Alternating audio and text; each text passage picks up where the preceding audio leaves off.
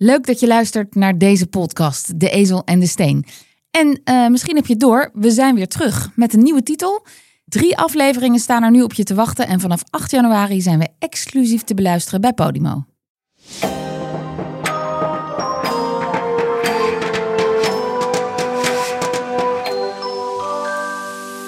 Dit is De Ezel en de Steen. Een podcast over wat de geschiedenis ons leert over de kwesties van nu.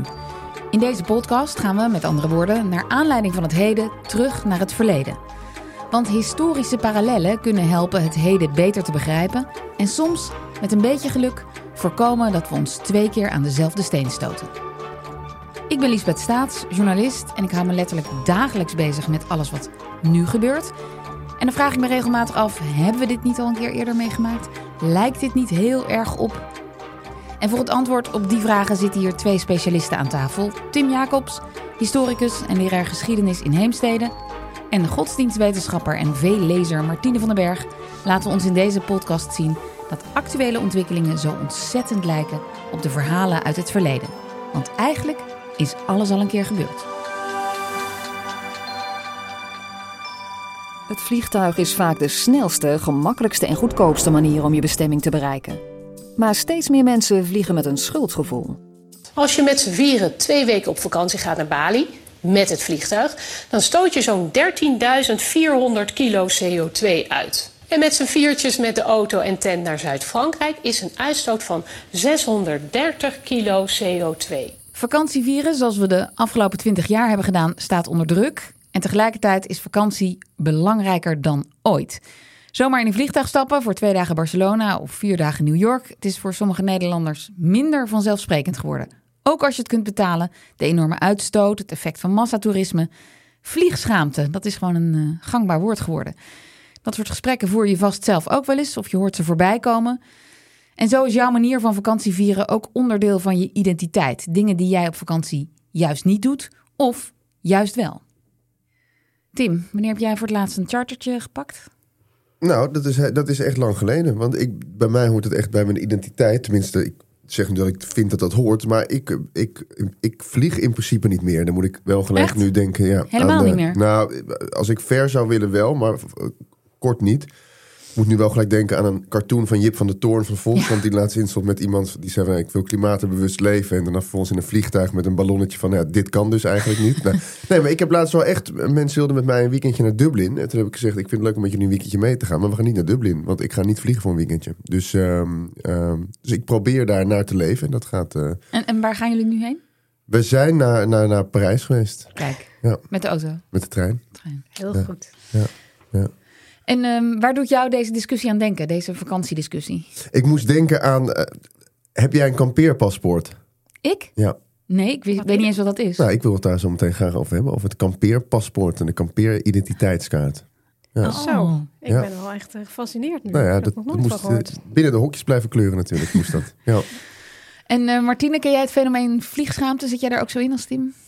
Nou, ik sta voor uh, enorme dilemma's. Ik heb uh, familieleden in, uh, in het buitenland waar je eigenlijk alleen maar met een vliegtuig heen kan. Um, een vriendin van mij is als diplomaat nu werkzaam in Nepal. En ik wil haar ontzettend graag bezoeken. Maar ja, um, die, die vliegschaamte speelt wel een rol in, Ja. in, in de overweging. Maar ja, ik, ik weet niet- echt niet hoe ik in Nepal moet komen zonder Maar vliegtuig. je gaat, Dus- het, je gaat het wel doen. Alleen het hele proces van er naartoe gaan voelt een beetje ongemakkelijker. Precies, er, er zit dus een element van ongemak in. En, en ehm, ja, ik ben daar eigenlijk nog niet helemaal uit. Dus misschien dat deze podcast me nog op nieuwe ideeën brengt. Of nieuwe argumenten. En- We gaan het zien. En Lisbeth, hoe is dat bij jou? Dan wil ik- Nou, we gaan nu het grondje gewoon Ja, afmaken. zeker.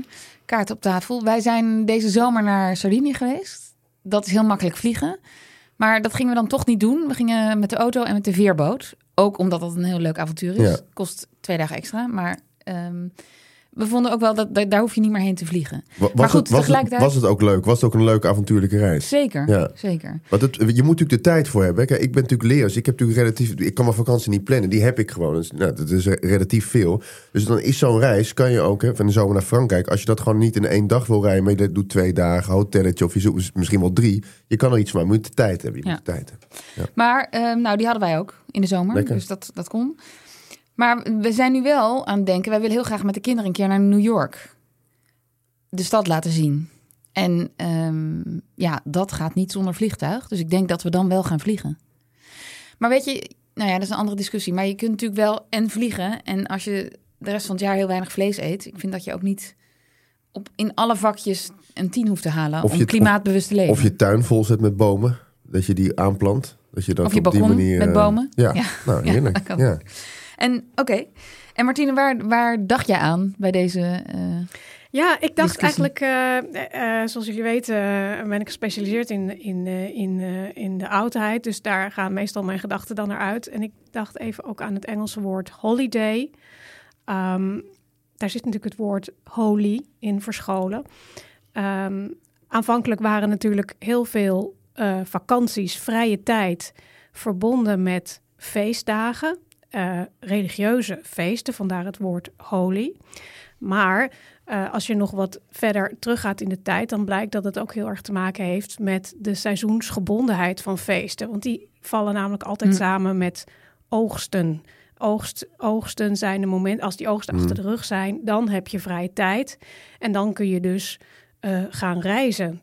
En eh, daar wil ik het met jullie eh, over hebben. Wat, wat dat dus in de oudheid betekende en eh, voor de identiteit van mensen. Oké. En hoe dat dus ook eigenlijk net als nu te maken heeft met zelfexpressie. Zijn, zijn er nog trouwens zijn er nog regels voor wanneer je holiday... En want ik moet bij de holidays ook al denken aan kerstmis. Een beetje Amerika dat voelt voor mij Amerikaans. Nou, ik wou net zeggen, want je hebt in Amerika nog steeds holiday eh, greetings of happy holidays. Ja. Dat wordt toch Ja. heel erg verbonden met vakantie en vrije tijd.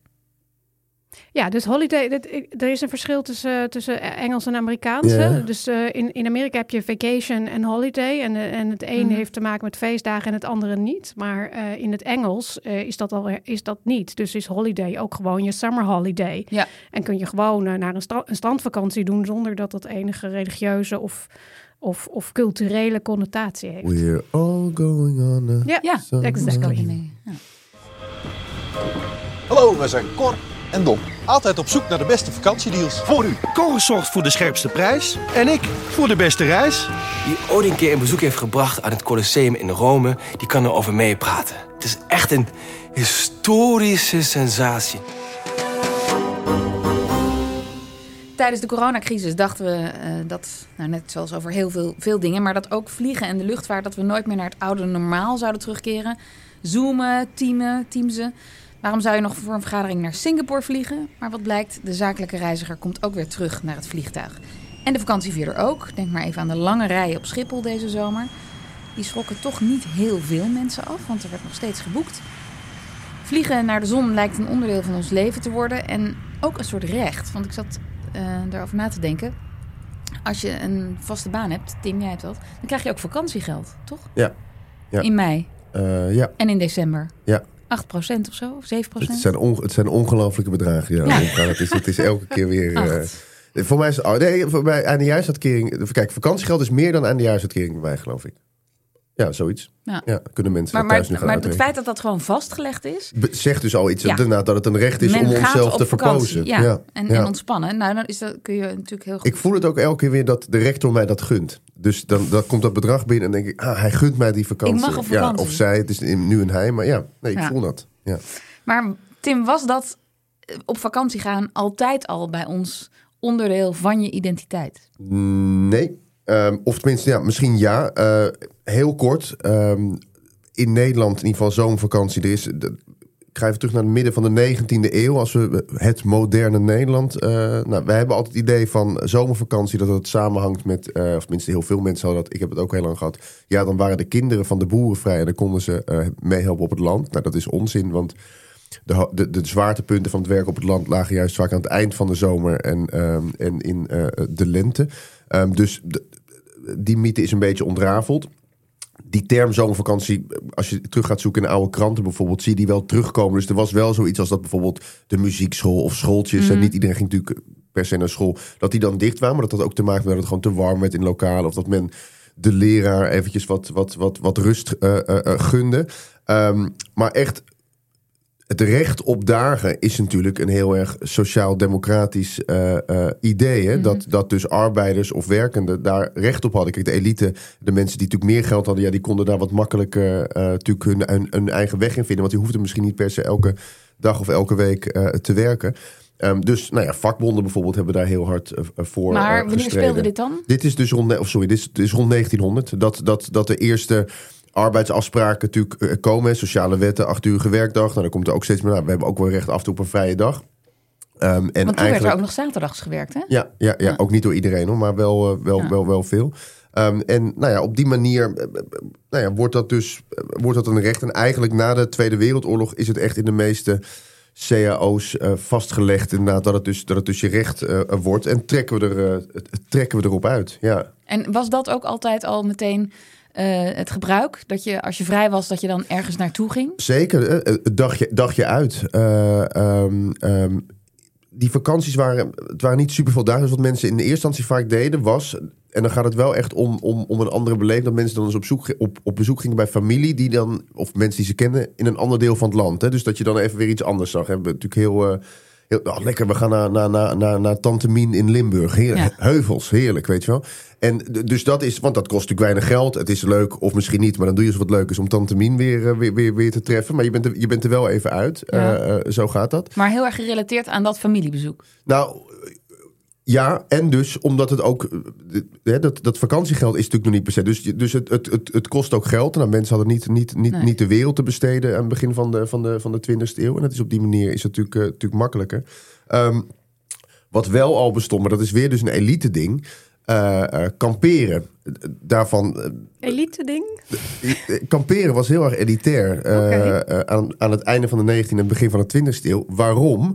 Omdat het met name gedaan werd door jonge, eh, rijke welgestelden... die dan eventjes weg uit het milieu terug naar de natuur wilden. En bovendien, eh, kamperen was eh, zeker in die tijd niet gratis. Nu haal je voor twee tientjes, tenminste mensen die, dat, die daar twee tientjes voor betalen... natuurlijk een, een, een, tent bij de Accession, de Ja. Action. Hè? En, maar tentdoek was gewoon hartstikke duur. Dus kamperen was, was best een, een dure hobby. Ook als je dat een beetje leuk voor jezelf maakt en je wil koken. Nou ja, ga jij, ga, Gaststelletje. ga jij even zo'n gaststelletje of zo'n dingetje eh, eh, eh, aanschaffen. Dus dat is heel lang best wel...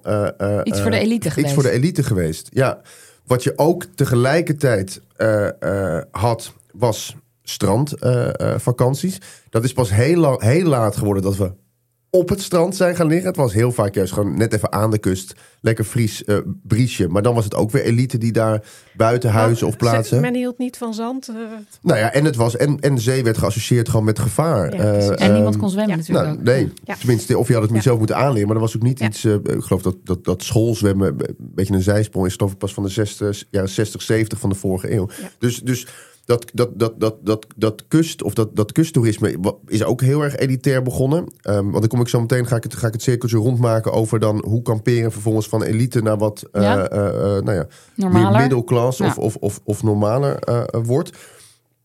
Kusttoerisme is dus eerst nou plaatsen van welgestelden. Dan komt er op een gegeven moment ook zo'n gevoel.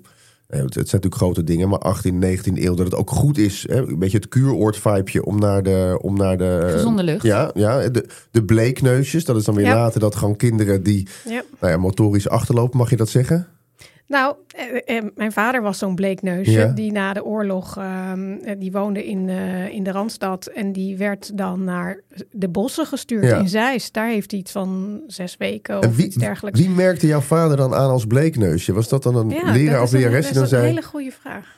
Ja. ja, maar het was natuurlijk toch, hij is van 44, dus dan, eh, dan heb je niet zo'n goede start gehad, zeg maar. Nee. Eh, en dan, eh, ja, dan, dan was je dus blijkbaar eh, een beetje ondervoed. Ja. En, eh, ja, En als grauw. en als grauw. En dan eh, werd je geselecteerd om de zomer door te brengen in de bossen, in de frisse lucht. En eh, hij heeft daar hele goede herinneringen aan. Dus hij zegt dat hij ook echt aangesterkt terugkwam Ja, mooi, hè? in de Randstad. Dat gebruiken we eigenlijk ook nooit meer. Dat je zegt, ik ben aangesterkt teruggekomen van vakantie. Maar toch? wel uitgerust.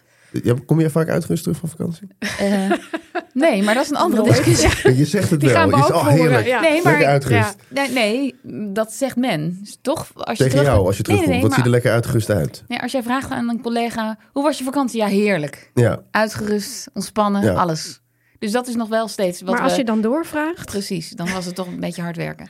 Maar de associatie is nog steeds eh, ontspanning, Ja. uitrusten. ja. Ja. maar dat, het- terwijl dus hier... En het- ja, maar dat is natuurlijk wel echt iets anders dan... Hè, jouw, jouw, jouw, jouw vader heeft, was- hè, die heeft moeten ravotten waarschijnlijk... en die moest verplicht hutten Ja, bouwen en onder de koude Ja, douche. ja. En, eh, nou goed, en veel eten. Lekker le- bordjes Ja. Brinta, papi. Ja, dat Ja. zal ongetwijfeld. Ja, heerlijk. Ja. Dus, dus nou, Brinta mag je hopen. Ik denk dat Ja. dat, was dat, is, dat, is, dat, is dat... Ik denk dat dat nieuwerwetse onzin was. Ik denk dat het gewoon eh, harde granen waren die in, in een laagje Ja. melk. God, heerlijk. Nou, terug, terug naar de basis. Ehm, ehm, dus, nou ja, dus eind 19e eeuw komt dat, dat kusttoerisme langzaam op. Hè. Dus daarvoor buitenplaats van de elite. En nu wordt het steeds meer gezien als iets wat gezond is... in plaats van eventueel eh, gevaar. Dat is ook een beetje de periode dat... En dat zijn echt, dat zijn echt dagjesdingen. Dus dat, dat de bekende kustplaatsen van nu... een beetje uitgroeien tot nou ja, wat, het, wat, het, wat het nu zijn. Hè. Noordwijk, Eh, Zandvoort. ja, ja, ja. Mogen jullie raden... Zouden jullie nou eens kunnen bedenken welke eh, strandplaatsen van nu wat volkse waren en welke wat edit wat, wat, wat als je denkt aan een volkse badplaats. Nou, een beetje ik- een- Ik kom uit Leiden ja, en dan was Noordwijk de chique variant Ja. en Katwijk voor de Ja. Ja. man. ja, ja, ja. Dat zou ook En dat heeft ook te maken met dat Katwijk heel gereformeerd is. En, en dat zijn dan gewone. Nou ja, ja, nou ja dat, was, dat is echt zo'n duidelijk verschil. Of je naar Noordwijk of naar Katwijk ging, naar het strand. Ja, nou, dus die, Noordwijk familie en iets meer eh, chic. Zandvoort was echt een. een, een ehm, Was chic? Nee, niet. Nee, niet. Volks. Nee, Oh. dus Katwijk, Hoek van Holland en Zandvoort is wat, wat, wat, wat, wat volkser. Eh Scheveningen is begonnen als wat zieker en dus nu ook. Nou ja, de- dat koerhuis staat er, maar die, die plaatsen allemaal zo lelijk ook, weet je wel. Zandvoort, maar dat is echt, dat heb ik ook heel lang niet geweten trouwens. Ik kom dus daar uit de buurt en Zandvoort vind ik nu echt heel erg lelijk. Ik denk dat er heel weinig mensen zijn die zeggen, nou, dat, dat zie jij verkeerd. Ik vind dat heel anders. Maar dat bleek, dus kom ik nou, nog niet eens zo heel lang geleden achter, dat dat gewoon voor de Tweede Wereldoorlog, dat dat nog wel allemaal mooi was. En dat het natuurlijk allemaal neergehaald is voor die Atlantikwal van die Duitsers. Mhm. En nou, afijn. Dus Maar je ziet het nog wel, want bijvoorbeeld in Noordwijk, dat is een enorme villa-plaats Ja. ook. Hè? Er staan hele grote huizen, ooit ook buitenhuizen. Dus dat was echt voor de happy few. ja, zeg maar. net als bijvoorbeeld dus dan eh, eh, eh, nou, meer in het noorden, zeg maar bij, bij, bij school en Bergen aan Zee. Dat is ook een beetje kunstenaars, eh, eh, intellectuele elite. Dus je zag ook wel dat die, dat die, dat die badplaats een eigen nou ja, vibe kreeg. En op een gegeven moment komt er dan dus ook, zeker na, tussen, of na de Eerste Wereldoorlog... dat het echt een, een, een volksdingetje wordt. En je gaat daar niet in een huisje zitten, maar je gaat wel een dagje naar het strand. En dan ga je jezelf verpozen. En er is een casinootje of een ander draaimodetje op, een, op, een, hè, op de Boulevard. boulevard. En je gaat, er wordt een pier gebouwd en je gaat boven het water staan. Nog niet per se heel veel zwemmen. Parasolletjes. Ehm, en En lekker bakken. en, nou, nee, dat, dat, nee dat, dat is echt iets van pas na de Tweede Wereldoorlog. Dat je daar naartoe Ja. gaat om, om, om, om bruin te worden. Ik denk dat dat ook heel erg te maken heeft met, ehm, met, de, met, de, met, de, met de popcultuur. Dat er dus dat, dat, dat er vrouwen, met name vrouwen dan in eh, film of wat dan ook... dat een gebruinde huid Ja. iets was om trots op te zijn. Hè? Ja, dat is natuurlijk, ja, dat, is was natuurlijk nieuws. begin, begin Ja. van de 20e eeuw nog niet eh, ter sprake. Dan is iedereen nog met een grote zonne, zonnehoed en eh, Omdat om, om het- maar niet bruin Precies, te want bruin Ja. is... Hè, is op- arbeider. exact. Werk je Ehm, op het land. ja. Nou, en omdat, omdat eigenlijk die, die, die, die, die, of tenminste, dat is natuurlijk niet direct oorzaak gevolg, maar omdat, die, omdat die, eh, die, dat strand een beetje vol komt te liggen, gaat de overheid na de Tweede Wereldoorlog betekent ook hoe mensen nog meer de eh, buiten kunnen zoeken. Dus ik heb een heel gezellig een soort voorlichtingsfilmpje gezien van een kantoorklerk. Die dan gezegd wordt, ja, meneer Jansen, misschien heette die zo, die moet erop uit. En, en- maar het strand is te vol, want het, dat- daar, daar, ligt, daar, ligt, daar ligt of daar zit gans, eh, gans Nederland. Je kan natuurlijk niet zo ver reizen ook. Hè? Dus het zijn natuurlijk allemaal mensen die dan uit de buurt, nou ja, je kan Ja. geen, geen andere kant op. Dus iedereen gaat naar het strand. Ehm, en dan worden de recreatiegebieden aangelegd. En komt het kamperen eh, op. Wat dus eerst een elitair ding was. En nu, het, het is bijna een soort van uit overheidswegen. De ANWB, Echt? ja, die, die bemoeit zich er heel sterk mee. Je moet, in ople- je moet in opleiding gewoon bijna om te mogen kamperen. Dus eh, je, Oh, nu, nu voel ik hem aankomen. ja, daar komt dat, kampeer, daar komt dat kampeerpaspoort vandaan. Je, moet- je moet gewoon echt... Ja, ik vond het heerlijk toen Maar, het maar van wie dan? Van de Nee, overheid? ja, dus, dus en via de ANWB. Dus de je ANWB brevet halen? Ja, je moet echt een brevet halen. Er waren kampen waar je gewoon... Ja, sorry dat ik erom moet lachen, maar ik vond het zo knullig. Maar tegelijk ook wel... Ja, ik verlang nou ook weer gelijk terug naar zo'n tijd... dat, hè, dat, dat, dat, dat de nog veldleeuwerik nog, cursus overal moet. was. Precies, Ja, dat je nog... Ja. Om op mogen kamperen. Nee. Maar, maar moet je dan laten zien hoe snel je een tent kan opzetten? Letterlijk. Dus er waren kampen van de AWB waarin je leerde hoe er waren gewoon echt. En dat past ook voor, voor mijn gevoel heel erg bij dat hele. Ehm, bij, bij, bij de rol die de, die de staat na de Tweede Wereldoorlog wil pakken. Dus eh, eh, eh, nooit meer armoede, welvaartsstaat. Maar dat gaat er wel allemaal heel gecontroleerd. Dus, dus wild kamperen is ook niet bij. Hè. Er worden echt, er worden, want dat is dan wel weer voor, voor, voor clochards of, of bohemien. Nee, er zijn gebiedjes waar je mag parkeren. En dat moet allemaal volgens be- bepaalde regels. Dus allemaal, allemaal, allemaal etiketten van ook van hè, be- be- begroet je buurman of je buurvrouw. Eh, eh, als ze weggaan, zorg dat je een kopje koffie eh, klaar hebt staan. Letterlijk. Een man die gaat uitleggen dat je dan dus ook tegen je buurman of buurvrouw moet zeggen: nee, jullie hebben het voordoek verkeerd opgerold. Want als je het zo doet, blijft er water in staan. Echt, ik maak geen. en, en zo moet je de pannetjes stapelen. Heerlijk. En je kon, ook, je kon dus ook brevetten krijgen. Dan had je, een, je kon het op je tent naaien. Dat je, Nee. ja, en dus, er zit daar, dus, en er zit daar ook. Vijf sterren. Er zit daar ook, en er zit daar ook, ook nog weer een verschil tussen. Dus ik ga even, ga even kijken. Ik heb het hier ergens opgeschreven. Je, had dus het, ehm, je, hebt het, je hebt de kampeerkaart. Dat is voor de doors. De, nou, letterlijk. En de kamp- kampeerpaspoort. En dat gaf je dus meer status op het. eh, Maar cute, dan, dan, dan, dan, dan was je meer. Ja. En vervolgens eh, wordt het natuurlijk ook. En dit heeft natuurlijk ook weer te maken met. We hadden het net over dat tentdoek, wat dan duur is. Ja. Ehm, als de welvaart toeneemt en spullen worden goedkoper, dan kunnen mensen natuurlijk eh, eh, eh, steeds meer op uit. Dus gaan Want steeds wanneer meer. gaan mensen of deze mensen dan naar Spanje toe? Want dat is natuurlijk op een gegeven moment. Ja. Op een gegeven moment is dat binnenlandse toerisme ehm, eh, is dat, is, is dat Klaar? eh, vervangen Ja. door, door naar een buitenland. Ja, dat- En dan krijg je natuurlijk een soort verschil. Er zijn diegenen die naar Spanje gaan en diegenen die naar Frankrijk gaan. En dat zijn niet dezelfde groepen. Nee, nou ja, dat is, dat is natuurlijk bij de, op het moment dat de auto eh, kamperen, kan je bij wijze van spreken op de fiets. En, Ja. op, en op het moment dat steeds mensen een, sorry, een auto krijgen, kunnen, Ja. ze, eh, kunnen ze verder weg. Dan is het Ehm, jaren 70, 80 ja, dat dat ja, buitenlandse Ja. toerisme En begint. dan wordt dus over wat jij Ja. net zegt, van dan ga je lekker bruinen. Ehm, eh, ik las ergens dat bijvoorbeeld een, een, een, een, nou ja, iets wat eraan heeft bijgedragen dat mensen graag bruin wilden worden, is bijvoorbeeld ehm, James Bond, eh Dr. No. Dat, ik weet even niet hoe die actrice heet, maar dat is, een hele, dat is de eerste James Bond film. En dan komt die vrouw zo uit het water in dat witte badpak. Ja, Bo Derek? Zou heel goed kunnen. Zou heel goed kunnen. Zoeken we. Zoeken, ik, ik, ik, ik weet het niet zeker. Maar het is een hele bekende, zoeken bekende scène en dat voordat zij. deze podcast eindigt, Ja. hebben we het antwoord. Ehm, ehm, en, nou, en dan komt dat bruine eh, eh, op. En dan krijg je dus inderdaad jaren 60, 70, 80. Dat dus. eh, maar dat zijn natuurlijk voornamelijk nog oude. of oude. Maar senioren mensen. Die Maar hebben tijd, die Ja, overwinteren. Ja, ja, precies. En die vliegen, die, om- dat, dat vliegen was toen nog helemaal natuurlijk niet goedkoop, Nee. jaren 70, 80. En ik weet ook wel dat mijn opa en oma, die gingen wel ook met hun, met, met de broer van mijn oma dan naar Spanje toe. Maar mijn vader had bijvoorbeeld, die is nooit met hun wezen vliegen of zo. Dus dat was dan ook, want dan de kinderen uit huis. En dat was allemaal, hè, was allemaal een beetje middel, eh, mi- Mm. mi- mi- middenklasse.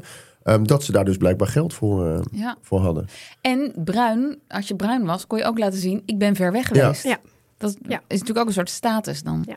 Absoluut, ja. En iedereen kreeg huidkanker, maar goed, dat, was, dat, Dat, wisten we eh, toen nog niet. Daar hebben ze deze week nog voor op het strand gelegen, hè, bij Bondi Beach, zag ik. Ja, een foto gemaakt Waar allemaal naakte mensen op het strand. in Australië. Martine, mensen op het strand om Te protesteren tegen huidkanker. Het feit dat huidkanker bestaat. Dus is de nee, vraag. awareness. Ja, nee, dan moesten ze, dan moesten ze wel een, eh, ze moesten er wel ontheffing van aanvragen, want je mag niet naakt ja, op Bondi op Beach. Ja, nee, ja. Martine, jij eh, kwam van de pelgrimage, van de holidays. Ja, ja, dus eh, Tim heeft ons nu net wijsgemaakt dat we pas vanaf de 19e eeuw, hè, toen werkten we allemaal heel hard. En, eh, en daarna kwamen onze sociale wetten die ons vakantie gaven. Dat gaf natuurlijk ons een beetje de indruk dat mensen in het verleden allemaal snoeihard werkten en nooit op vakantie gingen. Maar die mythe ga ik dus nu ook even ontkrachten. Oh, vertel. Ehm, Het is, niet, het is gewoon niet zo dat de boer gewoon zich letterlijk door weer en wind ploeterde om... Nee, nee, dat is eigenlijk helemaal niet zo. Ik heb voor jullie een staartje meegenomen. Ja, het, zijn, eh, het is natuurlijk altijd een beetje moeilijk echt goed te vergelijken. Maar wat ik hier heb gedaan, is het aantal uren dat mensen per dag werkten. Je hebt een hele grafiek gemaakt. Ja. Heb je Ja. dit met Excel gedaan? Ja, Ja, ik kan, ik, ik kan dat niet. Ik ook niet. Ehm, dus, dus het aantal uren dat mensen per dag werkten, maal het aantal uren dat mensen per jaar werkten. Nou, in, in de, in de prehistorie werkten mensen waarschijnlijk vrijwel elke dag, maar Hmm. slechts een paar uur per dag. Dan kun je natuurlijk wel zeggen, wat is dan werk? Hè? Dus je moet dit ook niet al te letterlijk nemen, want is, is eh, het maken van een mand, is dat werk of is dat vrije tijd? Of het, het maken Of van een bloem- bloem? Ja, precies. Dus, maar goed, dus de prehistorie is, een, Nou, het is, is, het is natuurlijk gewoon voorzien in je behoeften. Dus op Ja. het moment dat je iemand nodig hebt, is het werk. En Ja. als je nu staat zitten breien terwijl je geen trui nodig Ja. hebt, is het... eh, ja. Nou ja, precies. Dus, dus mensen, mensen werkten toen eh, eh, helemaal niet zoveel. Ehm, dat, kunnen, dat kun je dus zien in de grafiek. Wat je eigenlijk ziet is dat in de oudheid, hè, even Egypte, Rome, eh, dat mensen ook niet veel werkten. En waarom is dat? Omdat ze allereerst, de, dus de, de, überhaupt de rijken werkten natuurlijk heel weinig, want die leefden van het feit dat andere mensen voor ze werkten. En de middel, middenklasse, de, bijvoorbeeld de, de, de mensen die een, een, een schoenmakerij hadden of, of een bakkerij, die werkten van in de ochtend tot het middaguur en dan was het klaar. Vervolgens hadden ze dus heel veel vakantiedagen. Dus ze hadden uh, feestdagen. Ja. En, daar, en daar komen we dus op, uh, op de holiday. Ja. Um, we zitten, we zitten nu gewoon in het Romeinse ja, Rijk. Zodat ze maar 180 dagen per jaar werkten. Agrarische samenlevingen, uh, daar zie je dat eigenlijk ook. Bijvoorbeeld in de, in de middeleeuwen, in Europa, uh, had je ook ontzettend veel feestdagen. Dus mensen werkten niet aan de lopende band. Die maar hadden allemaal relatief, religieuze feestdagen. religieuze ja. feestdagen. Um, je ziet het een beetje omhoog gaan richting de 17e eeuw. Dan wordt er meer gewerkt. Dat komt doordat er ook veel meer uitbuiting is. Hè? Dus dan moet je en werken op je eigen land en je werkt ook op het land van een heer. Uh, het wordt pas echt, uh, als je ziet in de, in de grafiek, zie je dat die enorm omhoog gaat in die 19e eeuw. Dus daar komen we vandaan. Dus je hebt gelijk, Tim, als je zegt, ja, sinds de 19e eeuw hebben we, zijn we erop vooruit gegaan. Maar eigenlijk zijn we zijn we er Eerst achteruit op gegaan? enorm achteruit gegaan. De 19e eeuw is de tijd dat mensen dag en nacht werken. Die werken 18 uur op een dag, nauwelijks meer feestdagen. En is dit dan uh, al de industrialisatie? Precies, dat komt door de industrie industrialisatie. Gaan we er allebei op los. Dus je ziet. Het is dus dat... gewoon één groot complot. Hè? Ze hebben dus ons eerst meer laten werken. En dan gaan we het dus nu doen van: oh, wat fijn, jullie krijgen nu een extra vakantie. Ja, krijgen een extra vakantiedag. Ja. Maar feitelijk werken we nog steeds veel en veel harder dan de mensen in de oudheid en in de middeleeuwen. Dus we zijn nog steeds niet beter af dan toen. Uh, en dat komt dus onder andere door die enorme hoeveelheid heilige dagen die er mm. waren, die holidays. Um, en je zei ook nog even, ja, de vakanties hebben niks te maken met de agrarische kalender. Dat is misschien in Europa zo, maar in het Midden-Oosten was het wel degelijk, werd het gedetermineerd door de agrarische kalender. Um, ik wil jullie even een quote voorlezen en dan mogen jullie even raden, nou ja, wanneer dat ongeveer oh. was. Ik haal uit de quote twee, twee, twee, twee dingetjes weg, anders dan uh, wordt het te makkelijk. Als volgt. Ze komen uit verschillende steden, sommige over land, andere over zee, vanuit het oosten, het westen, het noorden en het zuiden. Bij elke holiday. Ze ervaren het als een haven en een prettige plaats om bij te komen van de drukte en de stress van hun leven. Ze zoeken kalm weer en, even bevrijd van de zorgen die altijd op hen drukken, genieten ze in een gezellige sfeer van een korte adempauze. Nou, dit klinkt als een heel. Um, beetje belerend. Klinkt het? Ja. Ja, het sluit een beetje aan bij jouw kampeerterreinen. Ja, ik, Ja, ik, had, ook het, kamperen. ja, nou, ik had ook het idee dat de gastvrouw van het verblijf in Frankrijk, waar ik deze zomer was, Ja. dat, dat dit een quote van haar was. Maar Ja. dat is niet. eh, Lekker even op adem komen. Dus Ja. ik, ik vond dat ook echt, echt, echt bizar. Maar hè? dit klinkt Dat heel modern, adem inderdaad. Komen, Ja, ja, De drukte bijkomen van de stress van je leven. Het weer. het weer. Ehm, nou, het, gaat hier, het is hier een quote van, van de filosoof Philo van Alexandrië in de eerste eeuw van onze jaartelling. En waar hij het over heeft, is de reis naar Jeruzalem. toen Dus eh, in de Hebreeuwse Bijbel staat dat iedereen drie keer per jaar naar Jeruzalem moet om, je daar voor, voor, om daar voor God te verschijnen. Mhm. Ehm, dat deed niet iedereen drie keer per jaar. Maar waarom drie keer per jaar? Dan komen we weer terug bij die agrarische kalender. Je kwam met Pasen, Pesach. Dat is namelijk het einde van de gerstoog. De oogst, dus de gerst is binnen. Dan kun je dus even op adem komen. En waarom moest je dan naar een tempel toe, naar een stad toe?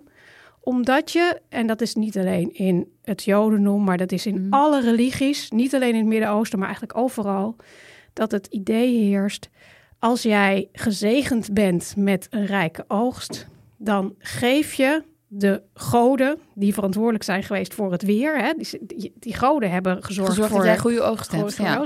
Dus je geeft daar wat van terug. Dus het hele idee van reizen is om dankbaarheid te tonen voor die agrarische kalender. En dit is, dit is in de Joodse wereld dus. Want het- jij zei net Maar dat is eerste eeuw over- na... dat- Oké. dat is in de het- Joodse het, wereld. Het fenomeen is, is overal... Dit zei Jeruzalem, ja oké. Ja. ja. Dus gerstoogst, Pasen, Pesach. De tweede oogst is de graanoogst. Dat is Shavuot. Dan ga je dus, eh, dat is, uh, is het begin van de zomer. Ja. Dan heb je dus ook vrij. Mhm. Eh, en de volgende vrije periode is Sukkot. Dat is, eh, daar hebben wij dan, daar, precies Loofhutten, daar hebben wij dan geen parallel voor in, eh, in, in, eh, in het westerse christendom. Maar eh, dat is de oogst van de druiven, eh, van de granaatappels, van de dadels, eh, van de olijven. Eh, en ook de, nog de tweede gerst- en graanoogst. En wanneer is dat? Wanneer valt dat in het jaar? in, in het oktober. ja, maar dan je, klopt het dus... oktoberfest, Ja, zeg maar maar. dan Dat klopt het is- dus wel, hè, wat je net zei. Van in, want eh, ik zei net van dat die zomervakantie die mythe is... omdat de kinderen op het land moesten werken. Maar er gebeurt in de zomer helemaal niks. Want die dingen die je net noemt... zijn of aan, het aan het begin van de, zomer, zomer, of eind van de ja. lente. Of, Ja, dus eind het van de lente, ja. begin, van de, eh, begin van de lente, begin van de zomer. En, en in de herfst heb je dus periodes dat je niks doet op het land. In elk geval in het Midden-Oosten. Waar dus die feesten vandaan komen die wij nog steeds vieren. Wat natuurlijk eigenlijk heel grappig is, want dat past eigenlijk niet in onze eigen agrarische kalender. En daarom hebben we ook een zomervakantie ertussen gekregen. Ehm, dus mensen hadden drie keer per jaar konden ze, hadden ze eigenlijk de opdracht om op reis te gaan. Nou deed dus eh, on- ongetwijfeld niet iedereen dat altijd. Maar in de eerste eeuw zien we iets bijzonders. Eh, begin van de jaartelling heeft de koning Herodes, hè, de Herodes de Grote, die we ook kennen uit het eh, Nieuwe Testament. Kindermoordenaar. De kindermoordenaar. Behalve kindermoordenaar, hij was, was, was het ook een enorme ehm, slimme man. Die heel veel heeft geïnvesteerd in Judea, in zijn eigen territorium. Hij heeft daar eh, de Jeruzalemse tempel gebouwd. En dat was een hele slimme zet, want er was eigenlijk best wel wat competitie tussen verschillende steden. Want wij denken nu, ja, Jeruzalem is altijd het hart geweest van het Oh ja. Jodendom. Dat is helemaal niet altijd zo geweest. Er is heel veel competitie tussen verschillende heiligdommen geweest. En Herodes besluit, hij gaat een hele grote tempel bouwen. Ehm, Wordt een trekpleister. wordt een trapper- en het was, was groter dan welk gebouw dan ook in de oudheid. Dus hij was, hij was eigenlijk de Romeinse keizers voor. Die hebben zich laten inspireren door zijn Oké. enorme bouwwerken. Maar was hij Joods? Hij was een bekeerling. eh, dat wil zeggen, zijn grootvader is Joods geworden. Dus je zou zeggen, ja, hij is Joods. Maar eh, bepaalde rabbies eh, waren het daar niet mee eens. Het was namelijk ook nogal een akelige man. Dus die wilde je eigenlijk niet, er eh, niet bij hebben. niet bij Maar het was, het was wel een vazal van... Het was ook een soort vazalkoning van, de- van de Ja, Romeinen, toch? klopt. oké. Maar, Ehm, maar die, die, die, die... Dus er zit een economisch eh, aspect aan. En hoe lang duurde dan die vrije dagen? Want reizen, dat impliceert dat je wel even onderweg bent. Ja. Als je, Ja, sterker nog, eh, als je dus vanuit Alexandrië, dat ligt in Egypte, als je vanuit daar naar Jeruzalem ging, dan moest je dus eerst ongeveer een week reizen met, met gu- gunstige wind. Dan was je daar, dan moest je een week lang je reinigen, want je mocht niet zomaar de tempel in. Als jij uit het, uit het buitenland kwam, Mhm. dan was je onrein volgens de, de wetten. En pas dan mocht je de tempel in. Er zijn er in 2019 ook prachtige trappen gevonden in Jeruzalem. Die, ehm, die ook, dat zijn hele brede, monumentale trappen die opgaan naar de tempel. Dat heet de Pilgrim, Pilgrims Road. Ehm, met ook resten van palmbomen die dus schaduw gaven. Want zoals jullie ongetwijfeld weten is het daar best heel warm. Dus als je daar eh, ehm, een heuvel op moet lopen, Ja. dan ben je heel blij dat er wat schaduw is. Er waren ook allemaal fonteinen aan de zijkant. Dus het was een hele prachtige Plek. ehm, plek. Die dus mensen uitnodigde om die pelgrimage te doen. En waarom was die pelgrimage zo belangrijk? Nou, het is een beetje eh, zoals eh, Amsterdam ook jarenlang toeristen heeft getrokken totdat we er spijt van kregen. Maar het is voor een stad natuurlijk economisch heel interessant om het, het, het aantrekkelijk te maken om erheen te gaan. En dat is precies wat Herodes dus deed met Jeruzalem. Die maakte daar een hele aantrekkelijke stad van. Waar het lekker was om ook even Waar te het heel- verblijven. precies. Ja. Dus het was ook over. Jij had het over dat kamperen, maar vanuit overheid Ja, werd ja. dus gestimuleerd dat mensen dat deden, want het was goed voor de stad. Want de mensen moesten, ja, precies, moesten overnachten, moesten eten, Ja. moesten offergaven kopen. Daarom Eh, zaten dus natuurlijk al die herbergen vol ook. Met, het, eh, met, Precies. met Jozef en Maria. Ja, nee, Ja. Dat, is, dat is precies dat. Ja. Dus ehm, je ziet. En het was een heel sociaal ding Ja. natuurlijk. Want je ging, je ging niet in je eentje. Of je Precies. ontmoette mensen. Als jij of- elke dag op het land, dan zie je Ja. niemand. Maar drie keer per jaar had Ja. je dus de gelegenheid om familieleden te ontmoeten. Om eh, vrienden, kennissen, nieuwe mensen te leren kennen. Dat hadden ze ook een enorm samenbindend effect. En dat effect zie je eigenlijk in heel veel verschillende religies en culturen. In Griekenland heb je, had je bijvoorbeeld Delphi, hè? daar ging je heen voor het orakel. Maar het was natuurlijk ook een manier om even, even bij te komen, tot rust te komen. En dat is eigenlijk precies. Ik zou, ik zou het niet hebben durven zeggen als niet Philo het al heeft gezegd in zijn tekst. Het was ook echt om gezelligheid en tot rust komen, op adem komen van de dagelijkse beslommeringen. Maar, maar is dit, dit patroon, hè, wat jij nu beschrijft, is dat te linken aan onze discussie nu? Van ehm, zeg maar waar je op vakantie gaat en, en hoe, en ik vertel je wie je bent. Ja. Je identiteit, speelt Ja. die daar ook een rol in mee? Ja, die speelt dus mee met het vormen van de, van de Joodse identiteit. Maar je ziet dus ook in de oudheid bijvoorbeeld ehm, eh, in, in Griekenland kon je naar allerlei verschillende plekken. Dus waar je heen ging, zei iets over wie je was. En was dit voor, was dit voor, voor, voor bijna iedereen weggelegd? Zeg maar, behalve in, in, in, die- in die oudheidbeschavingen alleen niet voor slaven, zeg maar iedereen die gewoon... Precies. Ja, dus mensen gingen, en het was natuurlijk heel verschillend per, per, per cultuur, of dat alleen mannen waren of mannen en vrouwen. Maar je ziet bijvoorbeeld dat, dat mensen dus ehm, dit soort reizen maken als ze ehm, persoonlijke problemen hebben. Hè? Bijvoorbeeld vruchtbaarheidsproblemen. Dan ga je naar een, naar een heiligdom, een godin die je kan helpen. Mensen deden het voor initiatie. Hè? Dus dat, dat hebben we overigens ook in het Nieuwe Testament. Hè? Jezus in de tempel als die, eh, als die dertien is. Nou, dat is heel, dat is een initiatierite. Ja. Eh, dat deden de, de, de Grieken en de Romeinen ook. Maar mensen gingen bijvoorbeeld ook bergen beklimmen. Waarom? Ja, niet omdat er per se een heiligdom was, maar omdat dat een soort, ja, een, een, een, een soort break is met je routine, waarin je hoopt op een soort spirituele Nou, ervaring. En dat is precies wat we nog steeds doen. Eh, mensen gingen ook op eh, naar, naar antieke bouwwerken. We denken nu, ja, dat was oudheid. maar in de oudheid had je ook al bouwwerken, zoals de piramides hè, in Egypte. Daar gingen mensen op heen Om te kijken. en, om te kijken. En daar hebben we dus graffiti van. Die zeiden dan van, eh, weet ik veel, eh, Cornelius was, was here, zeg maar, eh, in het Latijn op een... Dus je ziet dat mensen ook toen al voelden... We moeten er even uit. Ja, we, En- zoeken, we zoeken iets wat dus...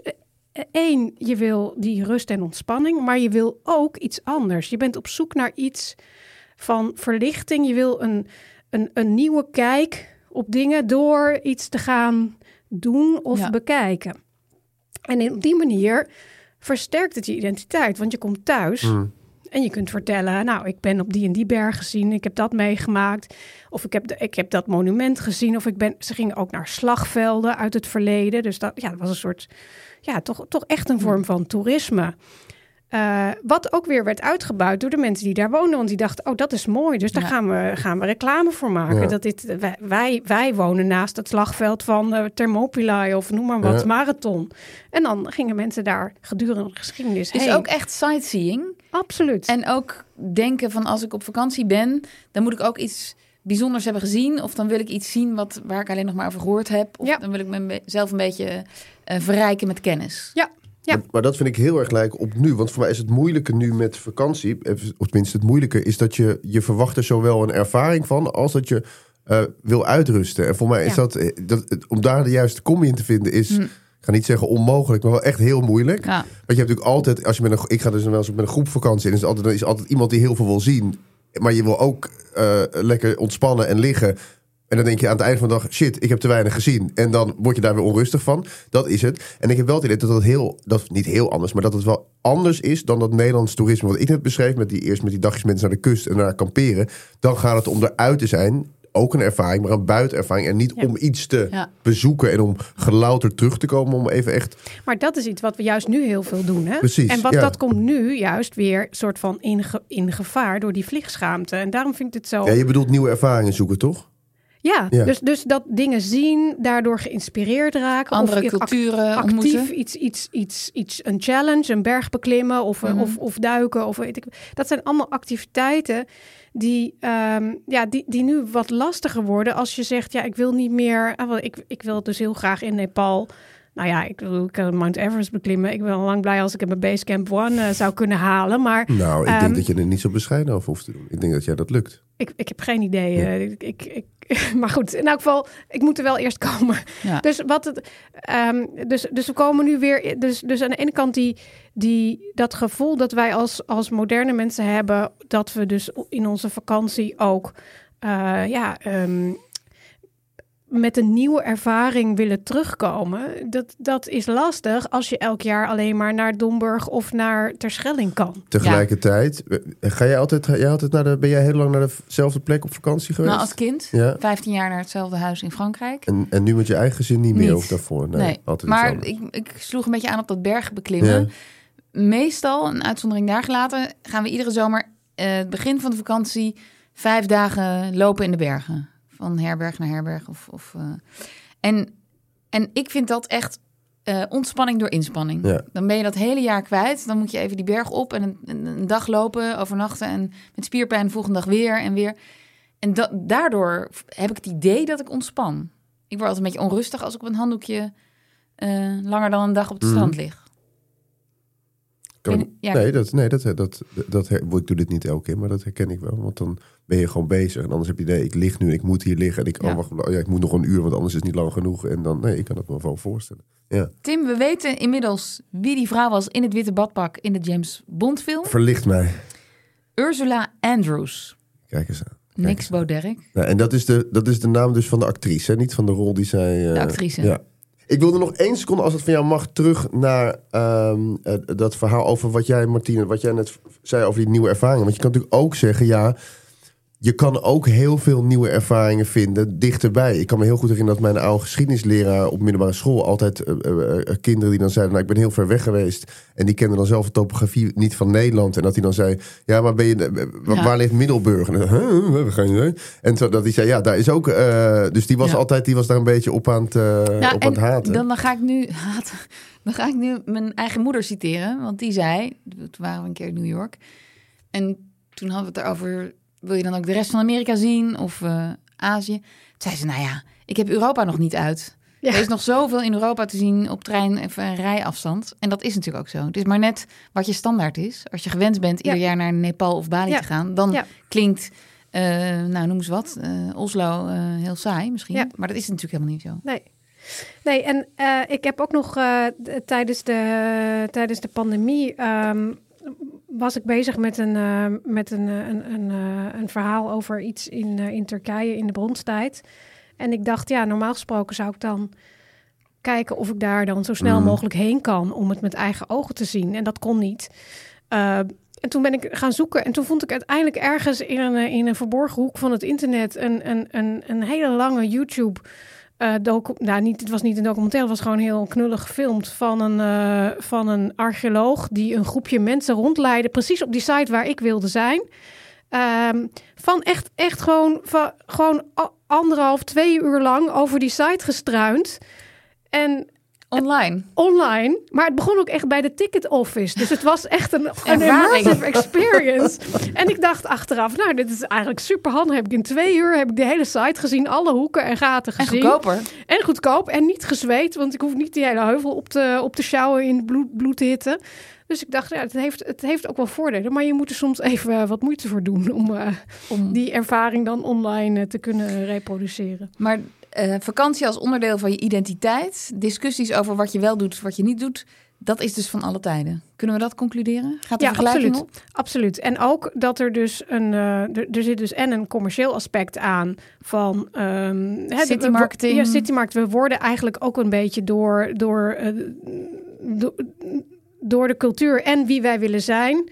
Worden we, worden we bijna ehm, gedwongen, en dat doen we natuurlijk zelf, maar eh, om, om, om ver weg te gaan. Want dat, ja, dan, dan, dan zijn we blijkbaar ehm, bezig met die zelfexpressie en zelfvervulling. Dus, dus, dus het is een vorm van, eh, van commercie waar we heel makkelijk toe te verleiden zijn. Dat, bijvoorbeeld dat we pas echt leven als we die bucketlist hebben afgestreept. En die bucketlist, die, ja, daar zit toch heel vaak hele verre, verre, Verre bestemmingen reizen. in. Ja. Dus, eh, en ik denk dat dat van alle tijden is, eh, dat, die, die- dat er toch enige, enige sociale druk is om, om dit te doen. Eh, het is ook heel, ik denk ook dat het, het heeft heel veel positieve kanten. Ik, ik zou het ook heel jammer vinden als het niet meer Mm. kon. Eh, hè, als er echt zoiets komt als een vliegverbod voor, eh, of dat je maar één keer per jaar ergens heen mag, of weet ik veel wat, wat voor Mm. vormen dat zal hebben. Maar ik kan me heel goed voorstellen dat het daar toch van gaat komen. Ja, nou, we gaan ook een recessie tegemoet. Hè? Dus Daarom. ik denk dat er ook een soort natuurlijke eh, Ja. rem op zit. Tim, in, in de klas vinden jouw leerlingen vakantie, vier keer op vakantie gaan uh, vanzelfsprekend? Nou, jouw school staat in een welvarend dorp. Ja, niet iedereen, maar veel wel, ja. En Ja. eh, ik, ik, ik, ik merk dus dat ik nu ook mijn eigen leraar aan het worden ben. Dat ik dan dus vraag van, ja, zijn jullie hier wel eens geweest? En dan gaat er geen één hand omhoog. En dan eh, vervolgens hoor ik dan een beetje waar de vakanties naartoe zijn gegaan. En dan denk ik van, nou, dat... eh, hè, dat Eerst maar eens op de fiets naar Middelburg, nou, jongens. bij- bij wijze- nou, maar en, en ook nog wel net iets verder. Dacht van, ja, wie is er wel eens in Berlijn geweest? En dan, eh, ja goed, het sprak me misschien ook niet aan toen ik 12 was. Maar dan gaan er misschien een twee handen de, de lucht in. En dan hoor ik wel weer waar iedereen dan op, Ja, eh, wel op op, Bali. Op, op Bali. Ja. Ja. Bali komt altijd terug als... Bali is ook lekker om op te haten. hè. De, de, Ja. de, de, maar in ieder geval, nee, dus ik ben dat, daar geweest trouwens, prachtig. Ja, ja, nee, ik ook. ik ook. ik kan dit niet, eh, ja. En eh, Martine, heb jij nog een boekentip voor ons over Ja. vakantie als Ja. identiteit? Nou, ik moest. De, de- ja, nou, dat is het dus niet helemaal geworden. Maar ik heb wel eh, in mijn boekenkast gesnuffeld of ik iets kon vinden over de oudheid en pelgrimage. En, en het, dat hele idee van, van, van uit je routine naar een, een ceremonie, een tempel. En Ik toen- vind snuffelen, sorry dat je onderbreekt, ook heel goed passen bij dit boek. Want ik Ja, zie gewoon aan de het pagina's stof. hoe, hoe het ruikt ook, dit boek. ja, ik weet precies hoe het papier ja. ruikt. Ja. Ja. Ja, het is, het, is, een- het is een beetje een oude pocket. Het is eh, Louis Couperus, een van, de, van, van Vaderlands eh, beste schrijvers. Wel een beetje gedateerd inmiddels.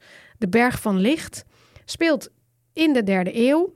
eh, in, het, in het Romeinse Rijk. Het speelt in, voor een deel in Rome, voor een deel in Syrië. En in, in Syrië heb je ehm, de zonnegod en die wordt aanbeden ehm, door eh, de hoogpriester die dus op een gegeven moment keizer wordt. Nou, het is... Het, het, het, Maar het gaat het over vakantie? Gaat het over reizen? Nee, het, ga- het, het- daar, gaat het, daar gaat het helemaal niet over. Hoezo? Nee, het, daar gaat het niet over. Het, eh, het, het is eigenlijk bedoeld als eh, psychologische roman van een, van, een, van een man met heel veel. Eh, nou, het is, eh, zeg maar een, een soort homoerotisch eh, boek. Dus, dus daarom was het ook toen het uitkwam meteen door heel veel recensenten werd het weggezet als, als onzedelijk. Uh, maar waarom ik, er, waarom ik het zo mooi vind, is omdat hij toch wel heel prachtig beschrijft hoe hele mensenmassa's dan naar zo'n tempel komen en hoe daar een feest ontstaat, een soort onstuimige sfeer. Dat mensen echt uit hun routine in Hm. een soort van. Uh, ja, Festivalstemming. Fe precies, uh, heel goed. Festivalstemming, die, die zocht ik. Dus, dus dat, dat is um, heel mooi en laat ook zien waarom dat iets is wat van alle tijden is. Hè? Dus dat dat ons, ons verbindt met het verleden. Dankjewel. Dit was De Ezel en de Steen. We vinden het leuk als je ons laat weten wat je van deze aflevering vindt in de reviews. En laat daar ook vooral achter als je nog een onderwerp of thema hebt voor deze serie. Dat wordt gewaardeerd.